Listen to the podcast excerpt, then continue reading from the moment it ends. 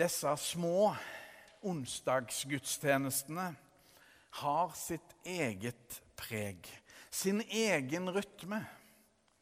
På vei opp mot Jerusalem og påskedramaet der.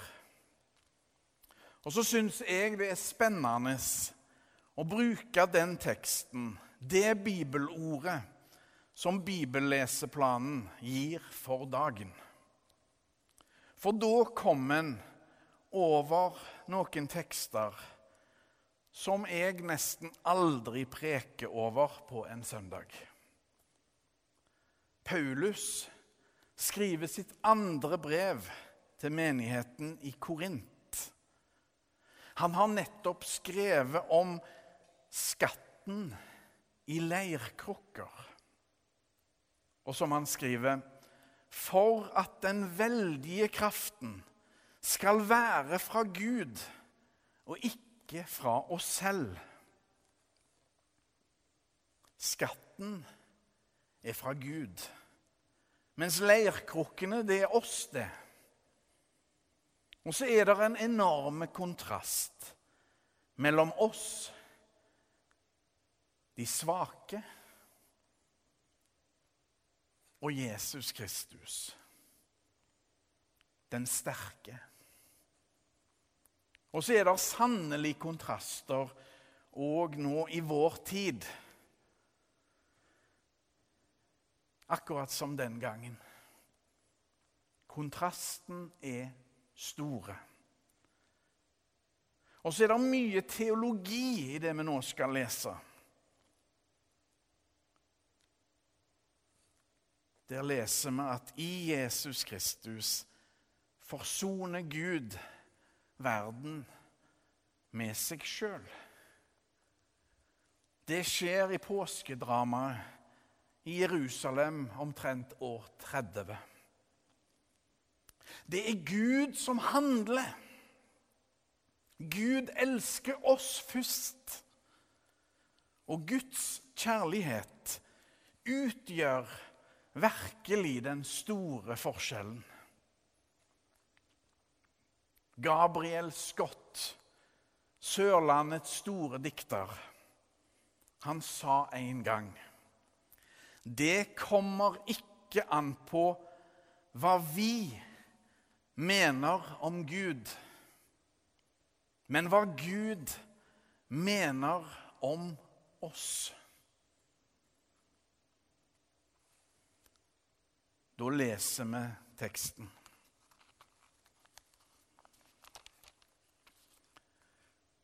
Og Paulus skriver i dette andre Korinterbrevet, i det femte kapittelet. Fordi vi kjenner ærefrykt for Herren, prøver vi å overbevise mennesker. Men vårt liv ligger åpent for Gud. Og jeg håper at det også ligger åpent for dere, så dere kan kjenne oss. Vi vil ikke enda en gang anbefale oss selv for dere, men vi vil gi dere anledning til å være stolte av oss, så dere kan svare dem som skryter av det de er i det ytre, og ikke i hjertet. Har vi vært i ekstase, var det for Gud.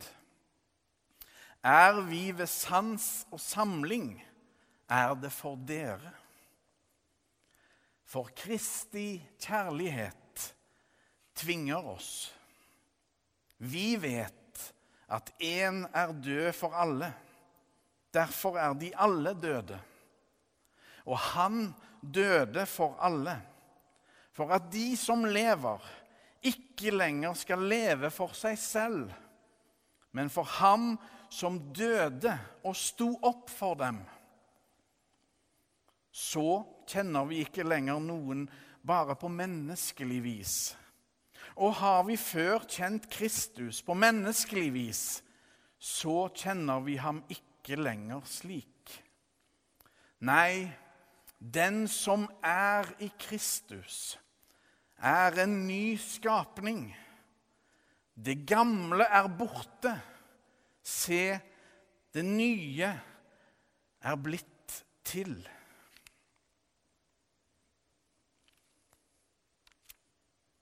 En ny virkelighet. En ny skapning. Alt er annerledes, skriver Paulus. Alt er nytt. Og hvorfor det? Jo, på grunn av den korsfestede og oppstandende Jesus Kristus. Og så er dette teologiens allerede nå, men ennå ikke. Og i disse koronatider så vet vi hva det faktisk betyr. Allerede nå, men ennå ikke. En dobbelthet som det gjelder å prøve å leve med. Og denne her dobbeltheten som Luther satte ord på da han sa at som kristen så er du en simul justus et peccator. Det betyr på samme tid rettferdig og synder. På samme tid rettferdig og synder.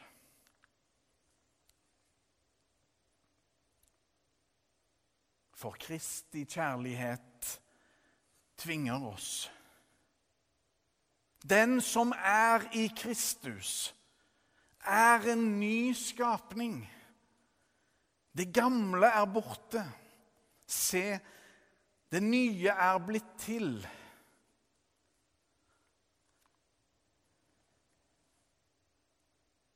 Amen.